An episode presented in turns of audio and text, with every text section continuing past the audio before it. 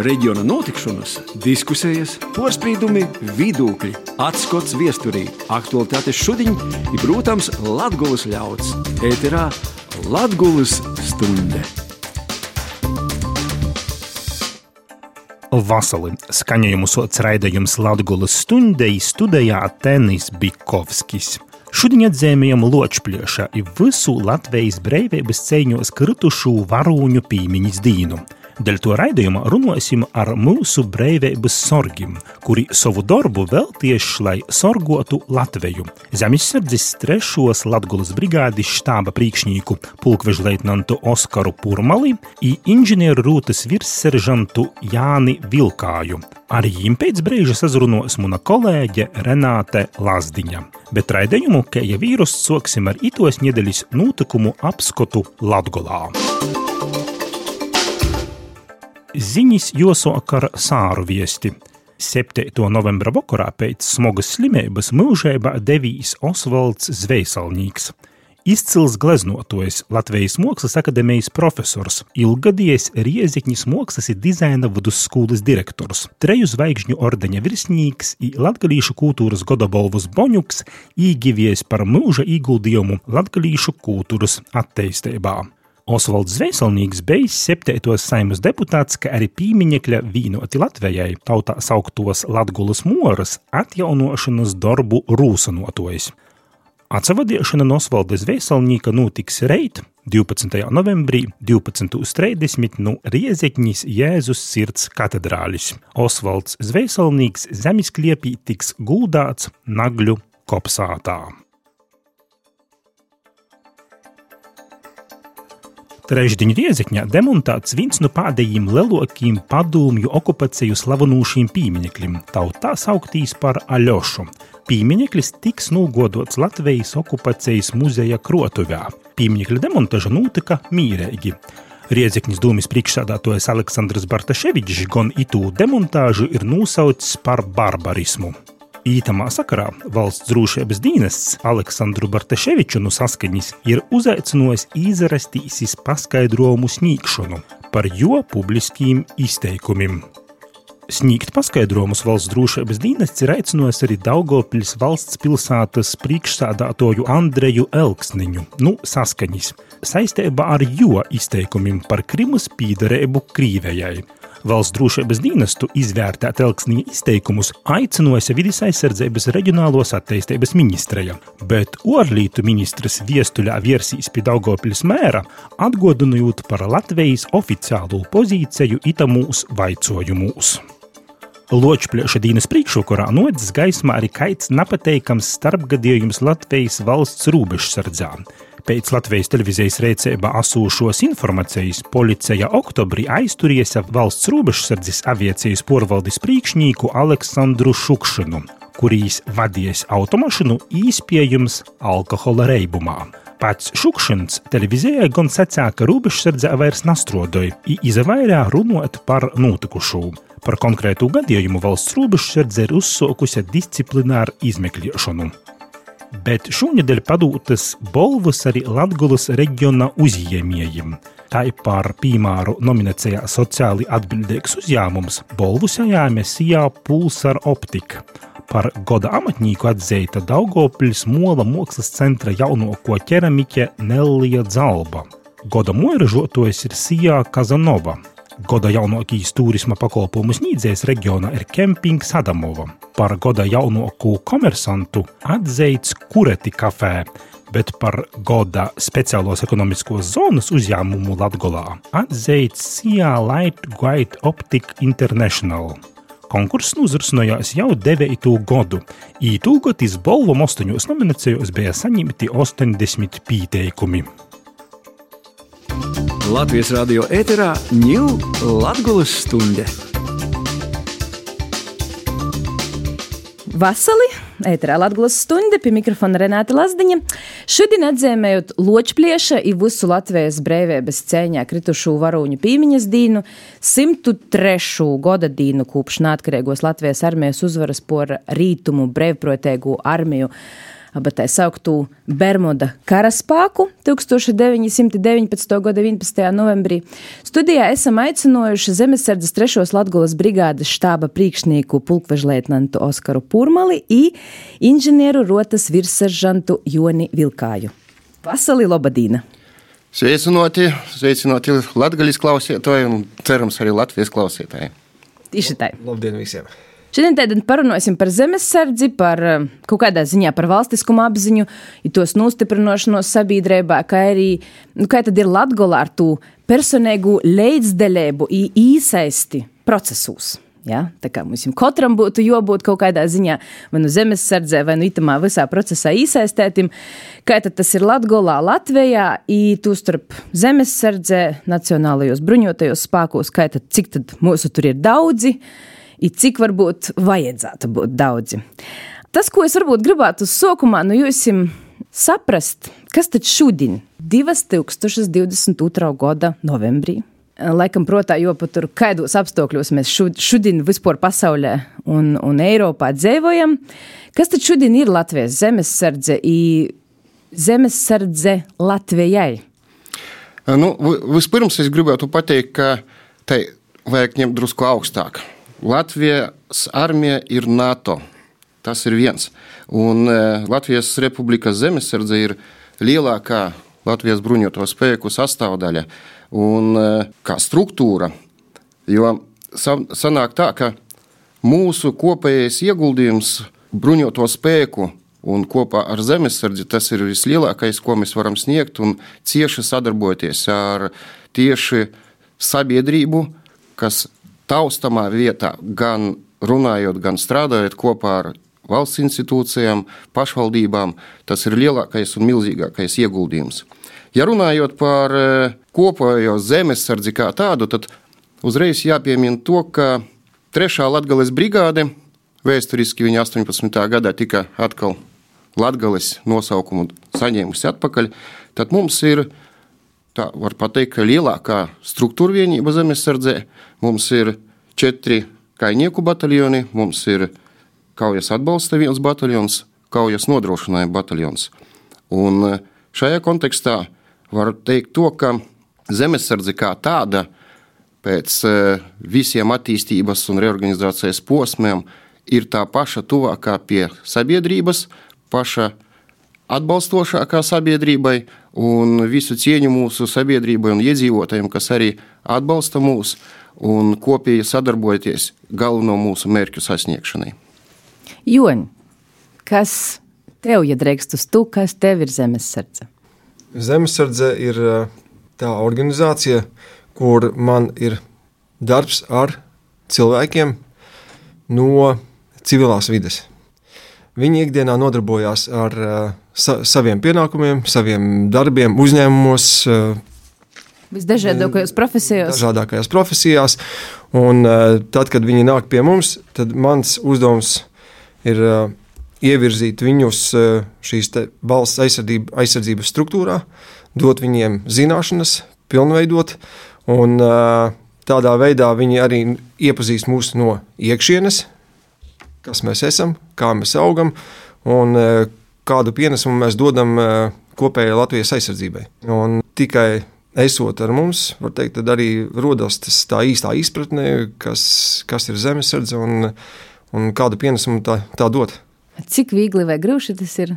Nu, sadarbība ar tādiem dažādiem cilvēkiem, dažādos profesijos. Un... Es, teiktu, tā, ka varbūt vienkāršākiem vārdiem citam varbūt ir pat grūti piecelties no rīta, saņemties. Tad uh, šis ir tas, kad ir jāspēr soļi, ir, uh, ir jādara.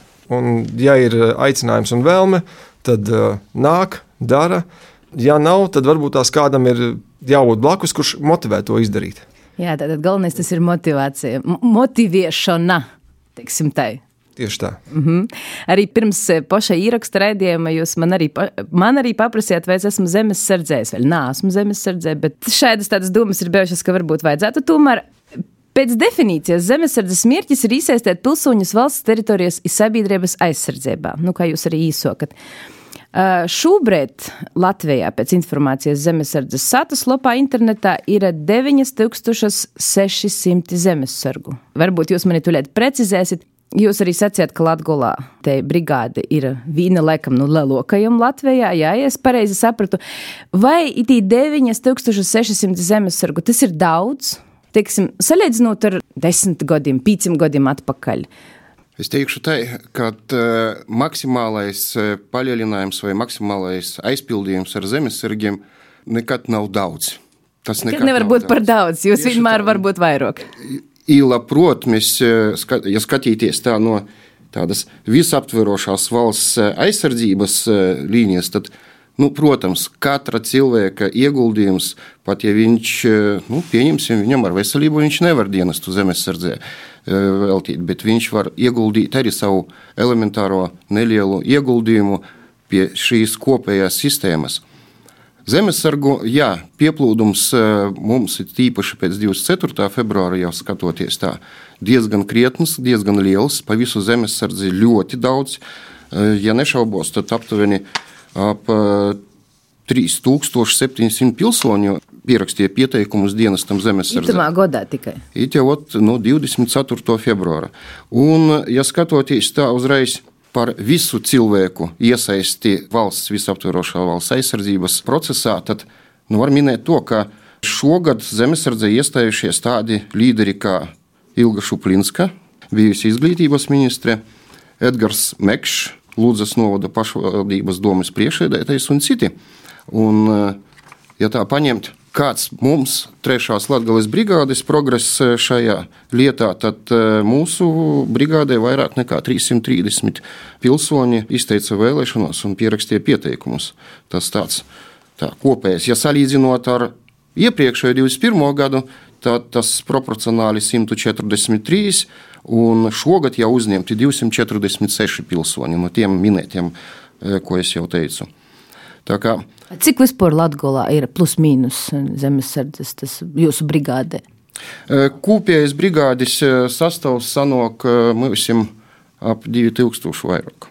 Ko zemesardze dod tādu populārāku cilvēku īsaisti? Tas kaut kā popularizē zemesardzi, ko, ko vēl tas dod? Vai arī varbūt par ko tas līdzināja, ka iesaistos bijušie ministri un esošī pašvaldību vadētoji? Tas liecina, ja skatoties vēsturiski 90. gadu sākumu, kad tikai tika sākta veidota zemesardze. Tur ļoti daudz bija uz patriotiskām jūtām, un e, praktiski katrā pašvaldībā, katrā novadā bija vai no atbalsta rotas, atbalsta punkts, un ļoti daudz cilvēku. E, pēc tam, ja tā godīgi sakot, bija kaut kāds tāds Kritums. Kritums, remdums cilvēku plūsmā un tā tālāk. Bet karš Ukrainā pierādīja to, ka joprojām mūsu sabiedrība spēja atšķirt, kas ir informācijas pareizā plūsma, propaganda, antipropaganda, un viņi saprot to, ka šīs karš, kas notiek Ukrainā, ko izraisīja Krievija, tad e, nu, viņi karo par visu mūsu brīvību. Un e, vēsturiski, ja skatīties, e, skatīties pareizo informāciju un analizēt, tad nu, var vienkārši pateikt, vēsture nedrīkst nomirt, un viņa nenomirs. Un mēs redzam, ka šis Krievijas izraisītais karš atspoguļojas vēsturiskos datos, un, ja pareizi analizēt, tad cilvēki saprot un savā, nu, es teiktu, laikam, patriotisko jūtu, viņi grib arī ieguldīt savu kaut kādu dvēselīti vai darbību tieši mūsu kopējas valsts aizsardzības jomā. Nu, ņemot vērā gan ģeopolitisko situāciju, gan to, kāda raiba sabiedrība tomēr Latvijā pie mums ir. Mēs vienmēr pieminam, ka Latvija ir ļoti multinacionāla un uh, daudz citu valodu porstovušu cilvēku ir pie mums. Kādi ir izaicinājumi tieši Latvijā? Piesaistīt, uzrunāt cilvēkus, lai viņiem būtu te valstiskuma apziņa un varbūt arī gribēšana stotīs zemes sargu rindos. Šajā sakarā, ko mēs darām? Mums viens no tādiem kopējiem uzdevumiem, pats galvenais valsts aizsardzības uzdevums, atbalsts uzņemošās, kā uzņemošās valsts. Mums arī cieša sadarbība krīzes gadījumā ar visām valsts institūcijām. Un tai pašā laikā viens no punktiem ir patriotiskā audzināšana. Un tas iet ne tikai caur jaunsardzi, ne tikai caur skolām. Mēs e, jau zinām, ka 24. gadā mums eh, būs obligāta militārās apmācības nodarbības katrā skolā. Tad caur rekrutēšanu, caur prezentācijām, caur mūsu izstādēm, caur sadarbību ar civilās aizsardzības komitejiem mēs informējam un parādām, kur ir tās nianses, kur Šobrīd sastapās Ukrainas uh, iedzīvotāji, Ukrainas pilsētas un arī Ukrainas civilās aizsardzības komitejas. Ar ko viņi sastapās? Un ko vajadzētu darīt krīzes gadījumā arī pašvaldībām, civilās aizsardzības komisijām. Un katru gadu mums notiek arī uzdevums uh, katram bataljonam iesaistīties tā saucamās mācībās Pilskalns, kur tiek aicināti visi pašvaldību civilās aizsardzības komisijas locekļi un izspēlēt, atstrādāt to, kas viņam ir ierakstīts mājaslapā civilās aizsardzības plānā. Ir nianses, ko vajag uzlabot, ir nianses, ko vajag pakorrigēt, bet kopumā tas ir viens no veidiem, kā mēs veicinām un stāstam, ka tas nepieciešams un nepieciešama izpratne visu iedzīvotāju. Joņi varbūt, jā. Turpināšu. Es vairāk strādāju ar vienību, kur man jau ir tie zemesargi, un uh, pie inženieriem ir uh, Nu, sākot no aizkrauklas līdz Daugopilī, Reizeknei, un e, tad, kad mēs organizējam mācības, mēs braucam visi kopā. Un mūsu kolektīvā ir gan no dažādu, dažādu valodu un reģionu cilvēki. Un ļoti labi sadarbojoties apmācībās, viņi gan saliedējas, gan arī pēc šīm apmācībām viņi atgriežas savā vidē, kur arī viņi stāsta, redz, un tādā veidā arī tiek iesaistīti arī jaunie zemesargi. Nu, nu, piemēram, nesen Daugopilī tieši bija oktobra beigās pilskalns tos uh, apvuicības, jā. Un jūs arī minējāt, nu ir kas, protams, uzlabojums. Kas ir tos galvenos lītas, kas tiešām, par kuram būtu visvairāk jodomē, kas ir visvairāk jozlaboja tieši uh, tamā pašvaldības, valsts institūciju sadarbības, varbūt kaut kādu citu institūciju sadarbībā? Kas ir tie galvenie atslēgas momenti, par kuriem jodomāju nu, visiem, arī tiem, kas klausēsīs tagad? Man liekas, ka pats galvenais eh, un šobrīd izaicinošais faktors ir informatīvais karš. Tas ir viens, ko jāsaprot katram, un jāsaprot, vai mēs klausāmies pareizo, vai mēs pareizi varam saprast, tas ir avots ticams viņš ir pārbaudāms un viņš ir patiess. Un šī ir, man liekas, lielākā problēma, kuru vajadzētu, vajadzētu aktualizēt un drusku vairāk iedziļināties. Jo tā dezinformācija vai mediju prātība sanāk viņa dažādos avotos pavisam savādāk. Savādāk tiek pasniegta. Ja skatoties Latvijas teritoriju un tīpaši pierobežas teritoriju, tur tā informācija pavisam savādāka, ko dzird iedzīvotāji. Un eh, šeit arī ir izaicinājums. Priekš pašvaldībām kur mēs piedalāmies kā pilskalns mācībās, tur arī mēs skatāmies e, no tāda viedokļa, un jau Ukrainas iedzīvotāju un e, pašvaldību un pilsētu pieredzes, kā viņi dara, kādi tur izaicinājumi ir. Valsts e, glābšanas ugunsdzēsības dienests, cik viņš ātri rēģē.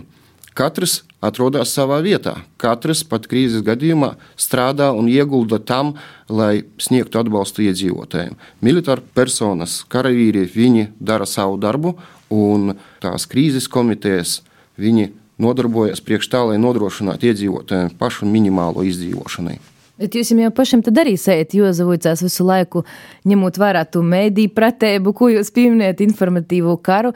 Sējat jūs jau pašam arī visu laiku ir uh, Nu, jā, jābūt lītas kursā, kur tad ir tie propagandas e, instrumenti.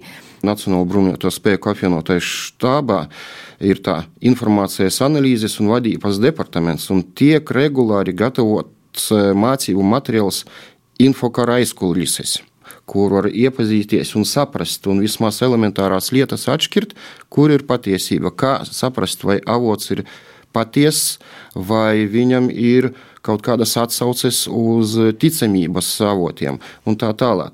Jo savādāk, nu, lielākā daļa jaunieši dzīvo tajos TikTokos un citos kaut kādos e, virzienos, kur vienkārši kā uz tirgu viena vecinīte pateica, un visi pēc tam pārspo, pār, pārtulkoja viņu savādāk un pasniedza savādāk. Tas nav pareizi. Un šeit jā, jā, jāskatās tik tiešām uz pareiziem avotiem, jātaisa, jāanalizē. Un priekš bruņotiem spēkiem viennozīmīgi arī notiek e, nepārtraukta apmācības process civil-militārās komunikācijas jomās kā mēs to darām, kā mēs komunicējam, kā mēs strādājam, kā pasniedzam informāciju. Tas ir diezgan būtiski. Vai var sacīt, ka mūsu dīnos militārā jūma tu karoji ne tik daudz ar ieročiem vai ar tehniku, kas ir valstī sagodota, bet tu nu, karoji arī TikTokā un uh, karoji arī sociālajos teiklos? Tieši tā, informācija. Tas, principā, ja tu zini, un tev ir informācija, tu esi uzvarētājs. Ja tu zini, kā ar viņu rīkoties, tu esi jau soli priekšā nekā tavs pretinieks. Līdz ar to tā informācijas plūsma, apstrāde, saprāšana un vispārējais tas ir viens no galvenajiem momentiem. Un tas informācijas karš notiek jau sen. Tas nozīmē, ka tie, kas tagad varbūt domāja, ka nu vajag vai nav vajag izastoties zemesardzē, mm, vai arī toļok attīstīt to savu militāro karjeru, ka nu, viņi nebūs tikai militāros tehniskos apvuicības kara potenciālajā laukā, bet arī tādas mūsdienīgas tehnoloģijas, jo, jo porzina un sevi jotēsta. Tas ir ļoti mūsdienīgs kaut kas šobrīd. Jā, tas mūsdienīgs, ja salīdzinot ar iepriekšējiem. Uh 30 gadi atpakaļ paņemt, kā tur mācīja, ko darīja. Nu, tu proti šaut, proti rāpot, e, taisīt ierakumus kaut kādus, bet tagad tas ir spektrs ļoti plašs, viņš aptver praktiski visu, un viņš ļoti cieši saistīts gan ar civilo vidi, infotehnoloģijas, medicīnas jautājumi, kā glābt karavīru pirmās līnijas, kā viņu nogādāt. Un tas saistīts Nu, ja to pašu medicīnu paņemt, mēs ar medicīnas rotu apmācām savus eh, karavīrus, mediķus, kā to darīt praktiski. Iziet dažādus kursus, pirmā palīdzība, pirmā paplašinātā palīdzība. Un tas noder civilā dzīvē. Un civilā dzīvē, jebkurā situācijā, ja tu redzi, karavīrs, kas izgāja šo kursu, viņš ir tiesīgs un spēj sniegt pirmo palīdzību. Tas ir elementāra lieta. Ja pa infotehnoloģijas jautājumiem skatīties, tas arī tagad diezgan plaši. Mēs visi esam datorizēti, komputerizēti, un tas nu, skar visas jomas. Latvijas radio ēterā ņūl Latgulas stunde. Ēterā Latgulas stunde ir šodien atzīmēt Ločplieša dīnu, Studijā mums ir Zemesardzes 3. Latvijas brigādes štāba priekšnieka pulkveža leitnants Oskars Purmalis un inženieru rotas virsseržants Jānis Vilkājs. Jūs pieminējat medicīnas rotu, inženieru rotu arī ir kaut kas salīdzinoši jauns laikam. Mēs esam Past... ļoti jauni. Medicīnas rota bija pirmā, kas trešajā Latvijas brigādē tika attīstīta, un tad nāca arī inženieru rota. Inženieri kā tādi ir Nu, tie ir fiziski inženieri, nu tā kā ir izglītība. Un, un, inženieri tā ir specialitāte, bet mēs esam militāra inženieri. Ko tas nozīmē? Un tas nozīmē, ka uh, mums ir sava specifika, un mēs vairāk strādājam ar uh, sprākstvielām, uh, spridzināšanu un mīnēšanu. Bet militārajā inženierijā tas ir viens, po, viens sektors, un otrs ir konstrukcijas, kur ir tiek iesaistītas traktortehnikas, metināšanas, un tur mēs atbalstam vienības ar mobilitātes, pretmobilitātes pasākumiem. Un arī sekojam līdzi šobrīd notiekošajam, kas ir Ukrainas karš, un arī tur ir daudz inovatīvas lietas, kas mums ir jāņem vērā arī to integrējam savā apmācībās. Tas nozīmē, ja, ja cilvēks iet uz zemesardzi un ja viņam ir specifiskas zināšanas, profesija, viņš varētu tikt arī vēlāk tādā inženieru rotā, kur varētu pielietot konkrēti ļoti, ļoti specifiski savas zināšanas, vai arī jūs reāli apvīcat pēc tam jau vai kā. Mēs tik un tā uz vietas veicam apmācības. Ir ļoti labi, kad viņš nāk ar priekšzināšanām. Ir tās pašas tiesības, traktoru vadība, vadītāji, kas mums arī ir atbalstam vienības ar nepieciešamo. Tur sanāk tā, ka praktiski zemesargs, kas stājas zemesardzē, tas ir tas pats civils civila persona, kuram ir jau savs darbs, un proti ir posmi, kas nepieciešams, lai sasniegtu savu kaut kādu kvalifikāciju. Un pirmais posms tas ir pamata apmācība, tā saucamais būtkems vai, vai lauku nometne, kur 21 dienu zemesargs iziet pamatprincipus, kā jau vienkārši šaut, granātu mest, ierindas apmācība, tas elementārās lietas. Pēc tam iet sadalījums uz specialitāti, un jau tur zemesargs izvērtē savas vēlmes, gribas, un viņš var kļūt vai nu ložmetējnieks, vai nu mīnmetējnieku apkalpes e, komandieris vai loceklis, vai tā tālāk, vai skaitļotājs, vai nu inženieros viņš grib, vai nu medicīnā viņš grib. Un šeit viņš, viņam ir tiesības salīdzināt savu civilo dzīvi, civilo praksi, ko viņš prot jau, varbūt viņš kaut kādā e, celtniecības organizācijā jau strādā kā traktora operators vai vienalga kas tur. Viņš uzreiz izvēlējās, jā, rekur šeit es varu savu jau ieguldījumu pilnvērtīgi atbalstīt un sniegt to kapacitāti. Tāpat arī uz medicīnu ļoti daudz mums medicīnas rotā personāla, kas ir jauni studējošie medicīnas koledžā vai vienalga kur, tad viņi jau ar savu pieredzi, savu praksi gan atrodas civilā dienestā, gan arī piedalās zemesardzes mācībās un sniedz savu jau praktisko ieguldījumu atstrādāto. Un tas ir diezgan pozitīvi.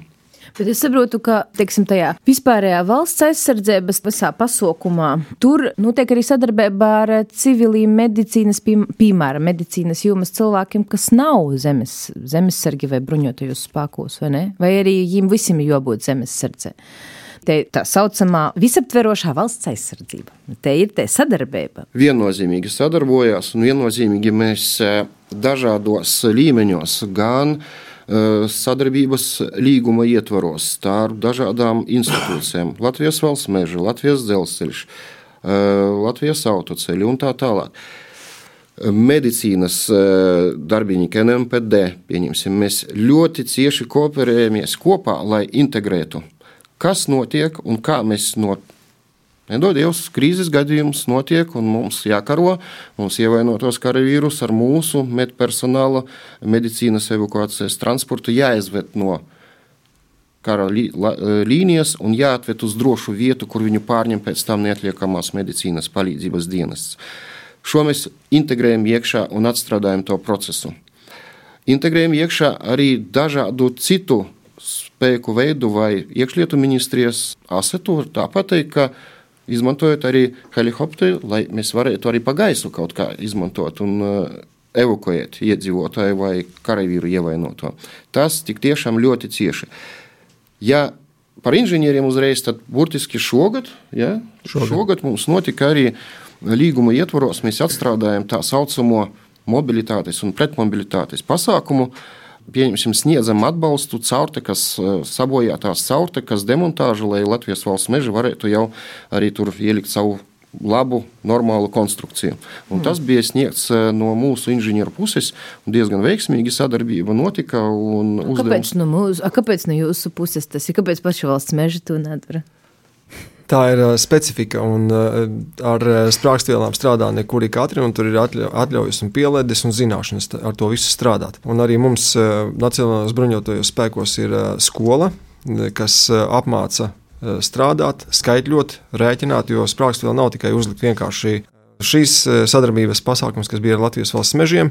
Šīs mācības ir uzdevums, bija arī ieskats jaunajiem zemesargiem, inženieriem kuri nāca mūsu vienībā, un tas ir reāli uzdevuma izpilde. Tas ir liels kopums, kur gan mēs mācām, gan mēs izpildām, gan mācām jaunus zemesargus savus, gan arī sniedzam atbalstu organizācijai vai iestādēji. Aitēdas inženieru rotas, medi, medicīnas rotas, tas ir katrā brigādē? Vai? Tas ir izveidots vienlaicīgi visās brigādēs, gan kurzeme, vidzeme, zemgale, latgale. Un arī mēs organizējam kopējas mācības, un arī redzam viņu spējas. Mēs no viņiem mācāmies, viņi no mums.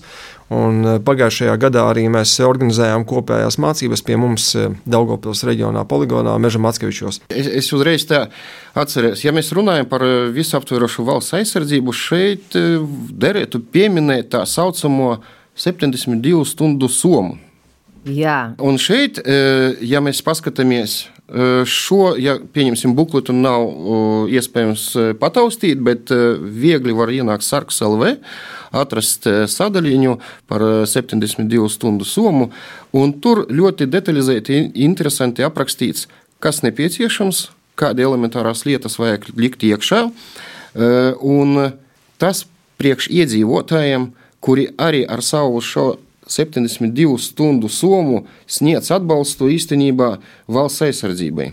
viņi tikai iesaistās itamā visā valsts, visaturošajā valsts Iesaistās procesā. tajā procesā, ka tas vismaz tās pirmās 72 stundas sniedz atbalstu gan civilās aizsardzības komitejām, gan uh, bruņotiem spēkiem darīt vienam otram savu darbu, Katrs sakārtoties. un tā- pazarūpētīs. ne tikai par sevi, bet tur arī aprakstošā daļa iet par to, ka tev jāzina tavu tuvāko kaimiņu. Varbūt viņš nedri- nevar kustēties, varbūt viņam problēmas kaut kādas un tam līdzīgi. Jārūpējas ne tikai par sevi, bet katrs par savu kaimiņu un radu un tā tālāk. Tā joprojām. Un šajā sakarā diezgan interesanti un jāsaprot tādu lietu. Ja mēs sakārtojam pavirši priekš šitā nu, ne, pārāk detalizēti iegājam iekšā šajā somiņā, salikam pēc saraksta, ielikam, paredzam un tā tālāk. Bet jāsaprot to, ka e, kaut kāda katastrofa, vai, pieņemsim, laikam, varu šaubīties, bija 2005. gads, bija liels elektrības pārāvums, e, praktiski uz pāris dienām, kur bruņotie spēki arī sniedz atbalstu Latvijas energo atjaunot to visu, jo pa lieliem sniegiem nevarēja Tas bija tieši Pietuvina. uz jauno gadu. Man, Jā, jā, kaut manuprāt, kas ap jauno gadu. Un tad jāsaprot to, ja vecākais atrodas darbā, bērni, puspieaugušie bērni atrodas mājās. Viņi zina, ka to, kā to somu, ka tā, tāda soma eksistē kaut kur. Bet jautājums, vai prot tas jaunietis, vai pusaudzis, vai pat ja līdz 25 gadi paskatoties, kas nav izgājis kaut kādu militāro dienestu, vai viņš vai nav iestājies zemesardzē, vai viņš prot rīkoties ar tām lietām. Vai viņš saprot, kāds ir slēdzis, kā iekurināt ugunskura, kā uzvārīt ūdeni, pataisīt viņu dzeramu un tā tālāk. Tā joprojām. Līdz ar to uzreiz aicinājums stājamies zemesardzē, mēs apmācīsim. Kā jūs novērojat, cik daudz reāli cilvēkiem ir te summa gatava? Teiksim tā, nu, cik cilvēki tomēr tam pievērš uzmanību šobrīd? Tieši no, novērojamo man tā kopējo pa visu Latviju man nav tādu datu, eh, ko es pa kaimiņiem vismaz pajautāju. Tikai viens pateica, ka jānokomplektēja. Nokomplektēju savā ģimenē, es arī palūdzu bērnam, lai viņa visu saprot, vai tu proti rīkoties. Nu, protams, jā, es protu, jā, viss kārtībā. Nu, ejam tur, iekurināsim uguni, iesim, sagatavosim, uzsipsim tur vēl kaut ko un sasildīsim konservu. Tur jau parādās problēmas, kur tas nozīmē, ka vai nu tad caur cerams 2024, kad būs katrā skolā ieviesta šā stundiņa, tur jau notiks apmācība. Un elementāri pats galvenais nekrist panikā, kā apmaldoties, atrast ceļu atpakaļ pie mašīnas vai iziet no meža, jo mēs jau arī sniedzam atbalstu zemesardzē. Cilvēku meklēšanā. Tas ir problēma, katru gadu notiek, un cilvēki pazūd un apmaldās.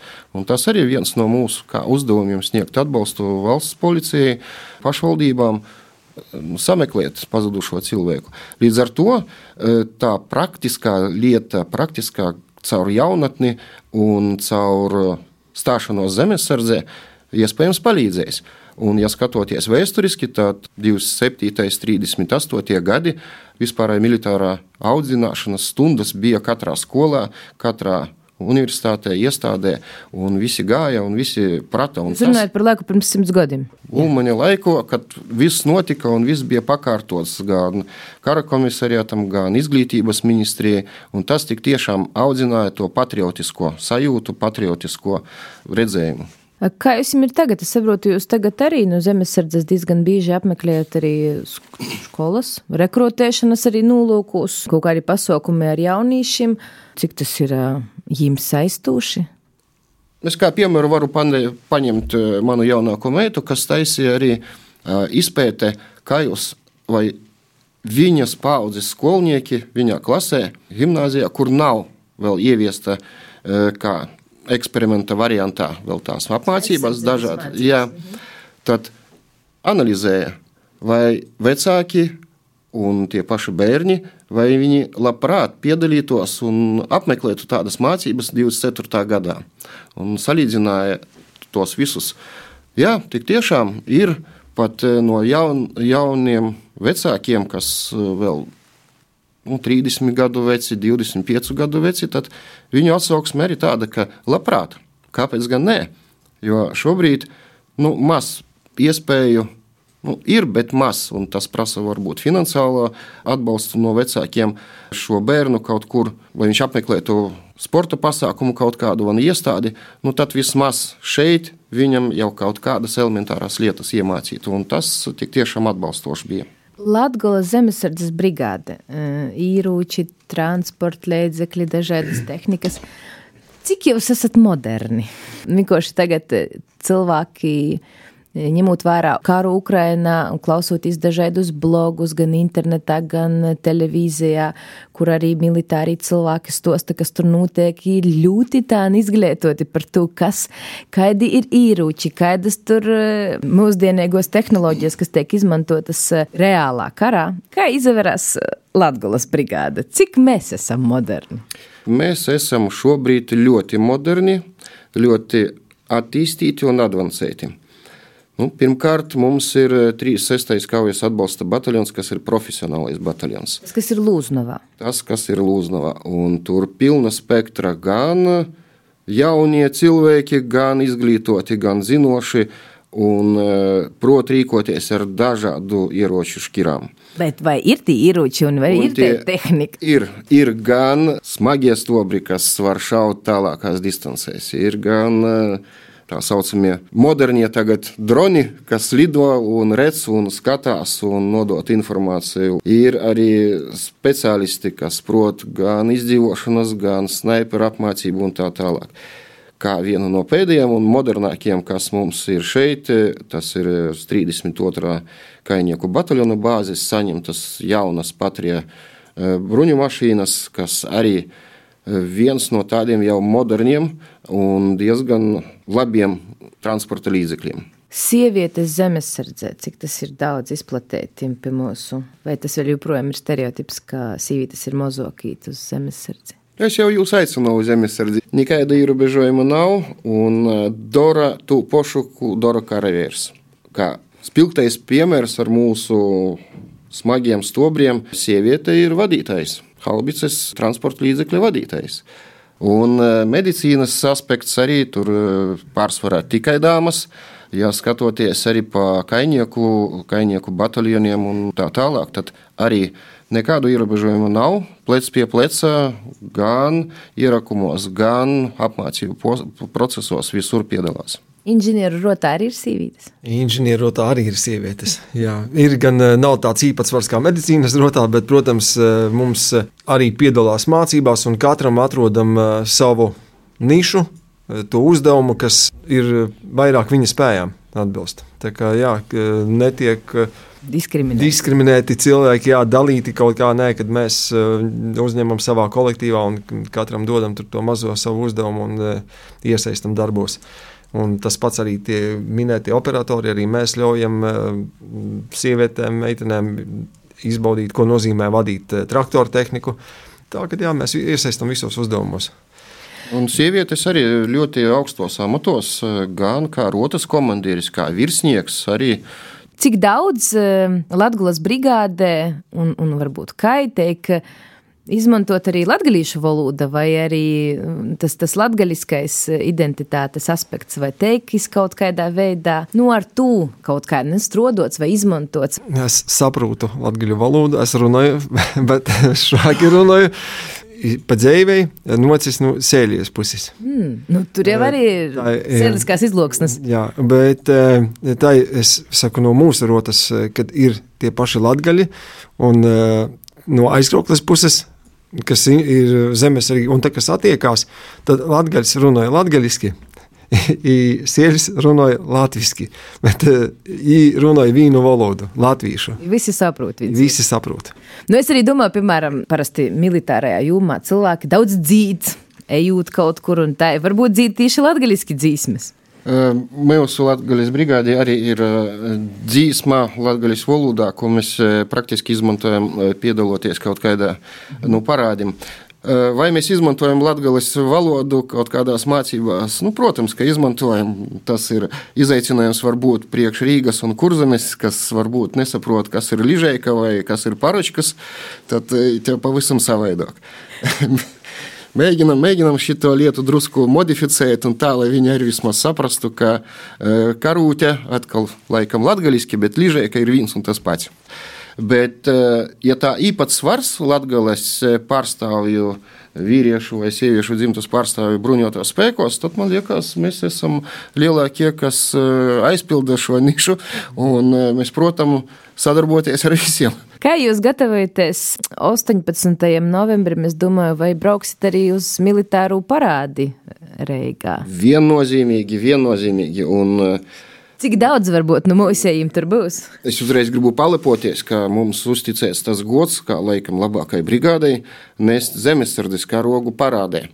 Un no mums piedalās viena kārba soļotāja, arī no mūsu profesionālā bataljona 36. kaujas atbalsta bataljona. Tāpat arī mēs piedalīsimies ar mūsu tehniku. Nu, pirmkārt, tās būs haubices, un otrais tas būs arī mīnmetēji, kā viena no smago ieroču sastāvdaļām un lielākais spēks. Protams, arī no citām brigādēm būs komplektētas gan vienības, gan tehnika. Nu, līdz ar to katru gadu labprāt, un 4. maijā labprāt. Un, ja es tagad pēc cito raidījuma gribu stoties zemesardzē, kas man jādara tā esi pa punktiem? Man ja ir jūs... jābūt līdz 60 gadu vecumam, es saprotu, jā? Tad tu vari izstoties zemesardzē. Kas to ļauk vēl ir, kur joīt? Ja jūs esat no Rieziknis, tad tuvākais, kur jums joīt, uz Dzinturu ielu 7, kur atrodas 32. kainieku bataljons. Tas ir viens veids, un tur ar jums satiksies. Vēl pie durvīm saka, es gribu stoties zemesardzē. Tieši tā, un ar jums uzreiz izskries karavīrs, paņems jūs aiz rokas, pavadīs, aizpildīsiet anketu, līdzi jāpaņem personu apliecīšanu dokumentu, protams, bet ir vēl viena iespēja, un šie, šā iespēja praktiski attiecinam arī uz visiem Latvijas iedzīvotājiem, tad joprojām darbojās, un nav noslēpums, ka zvanot uz 1811 telefona numuru, ar jums jau apjautāsies, pārjautās, no kuras novada, no kura apgabala jūs esat. Tad no, novirzīs, pieņemsim, ja trešā latgales brigāde, tad uz trešās latgales brigādes telefona numuru un arī precizēs, kurā novadā vai pagastā jūs dzīvojat, kas jums tuvāks no bataļiem, varbūt jūs strādājat Daugopilī, bet dzīvojat Rēzeknē. Nu, tad, skatoties no šajiem iedos, varbūt divus telefona numurus, kur jūs varat piezvanīt, sarunāt un satikties un, un visu, visu izpildīt. Mūsdienas internetā es nevaru vienkārši aizpildīt kaut kur anketu. Un... Tur, nezinu. Mums, jebkurā gadījumā, jāveic personu pārbaudi, uh, vai nav krimināla sodīta un tam līdzīgs, vai, atbilst, vai viņš ir pilsonis, vai viņam ir arī atbilstoša kaut kāda izglītība un tam līdzīgs. Šo Diemžēl. Vajag sazatikties. Tie, tieši tā. Tieši. Redzīgs pretī cilvēks. Un, ja jums bailes ir nākt vienai, ņemiet vēl kādu līdzi. Labi, paldies. Mums šodien redzējumā Latgulas stunda. Bija Zemesardzes 3. Latvijas brigādes štāba priekšnieks pulkvežlietnants Oskars Purmalis un arī e, Zemesardzes Latgales brigādes inženieru rotas virsseržants Jānis Vilkais. Paļģis jūsim un, nu, svietēsim Ločplieša dīnu, gaidēsim 18. novembri un, nu, būsim ar savu saimi, savu valsti un e, būsim arī pīderēgi arī ar, ar saviem darbiem Latvijai. Paldies Renātei Lazdiņai, bet tīvleņ jau studijā būs Laura Sondere ar aktuālokom notikšanam kultūras dzēvē Latgulas reģionā. Napalaid garam! Kultūras pasauciņa apskats tuvākajam dienam! Vasali, vasali klausētoji! Latvijā ir sākusies valsts svētku nedēļa. Pasaukumi par gūdu ločplieša dīnai notiek vai ik katrā vītā.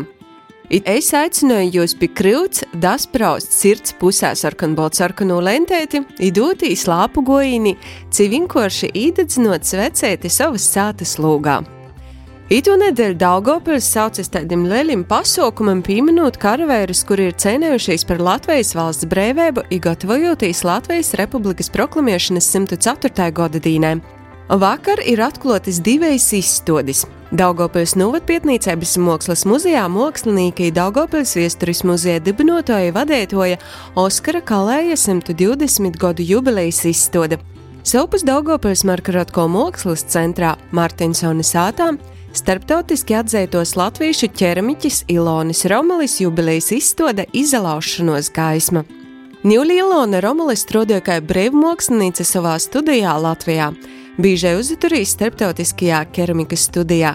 Kečkemetā, Ungārijā, kā arī Ķīnā, porcelāna strādājot ar augsto apdedzinājuma porcelānu. Bet arī tīs Daugopilī vēl nav visi pasaukumi, kas itamā svētku laikā ir īplānoti. Vairālai pastosta Daugopils kultūras porvaldes porstove Diāna Saldāne ka ložplieša dīna nav īdomojama arī bez melnas tradicionālā lopu gojiņa, kas ir 11. novembrī 5. vakarā tepat pa Daugopils centru. Un pēc lāpu gojiņa arī būs Vīnēbas laukumā tāda patriotiska koncerta programma, ko šogad mums sniegs Rēzeknis muzikanti. Un vēl ložplēsa dienas vakarā tiem, kuri nebūs nosabējuši no iespējams garokas pastaigas vai saltāka vakara, Vīnēbas nama kafejnīcā būs iespēja baudīt Toma Mikāla džeza kvarteta koncertu. Arī Rēzaknē ir īcerāts Branks lāpu gojīns no Rēzaknes Jēzus sirds katedrālis līdz pieminekļam vīnoti Latvijai. Ir rūpēt vairāk par pošu lāpu gojiņa notikšanu, lai stosti zemesardzes trešos latgalīs brigādes komunikācijas daļas speciāliste Diškrēve Ruta Bernāne. Pūksteni četrus dienā būs divkalpojums. Riezeknis Jēzus sirds katedrālī aizliegums par karavēriem, un pēc šo divkalpojuma stosimies lāpu gojiņam, kas nozarisinosies no katedrālis pa Latgaļas īlu līdz atbrīvošanas aļējai un pa atbrīvošanas aļēju līdz pieminekļam vienoti Latvijai. Šimā Latvijas dienas lāpu gojiņi aicinājumi pīzdaļāties arī visus iedzīvotājus, ņemot līdzi lāpus, vai svecētis, vai lukturēšus, kāda no kuram tie gaismiņa būs. Un tad pēc lāpu gojiņa visi pie pieminekļa vienoti Latvijai pīzdaļāsimies svinīgajā pasaukumā.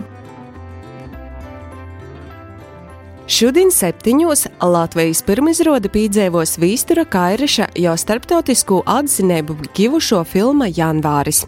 Filma ir viesturiska un autobiogrāfiska ekskursija 1991. gada barikāžu laikā, kas viestē par jauniem kinematogrāfistiem, kuri tiek īrauti Reigā noteikušajos 1991. gada janvara politiskajos notikumos. Filmu visjauka jūsu pusē varēs nosvērties šodien septiņos vakarā, bet 13. novembrī četros koncertzalā Gors būs filmas īpašais seanss, kurā dasdalīsies filmas režisors Vīsturs Kairišs, aktrises Alise Dzene un Baiba Broka, kā arī filmas māksliniece Ieva Jurjāne. Ivēl atgriežoties pie ločplieša dienas notikšanām, Šodien Leivānos pīcos pulcēšanos iz lāpu gojīni, bet pīmiņas šerkti kuplinos folkloras kūpa rūžupis vēri ir Leivānu pūtīju orķestris. Arī pa visu balvu novadu šodien degs svecētis plēvos lāpu guņs. Bet ītu vakar sešos Lazdulējas pogastā Latvijas valsts svētku īskaņas koncerts Latvijai.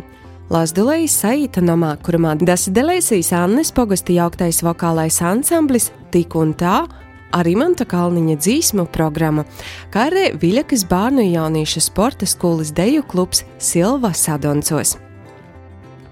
Svinot latviešu godskortu, Latvijas valsts svētku sprēļu novada stabuļnieku kultūras nams Reidīna septiņos vakarā aicinājusi koncertu ar saknēm iejaut sitamā zemē. Dasadalīsies ne tikai stabuļnieku pošdarbnieki, bet arī doncotoji dzīvotoji no blokus pogustim.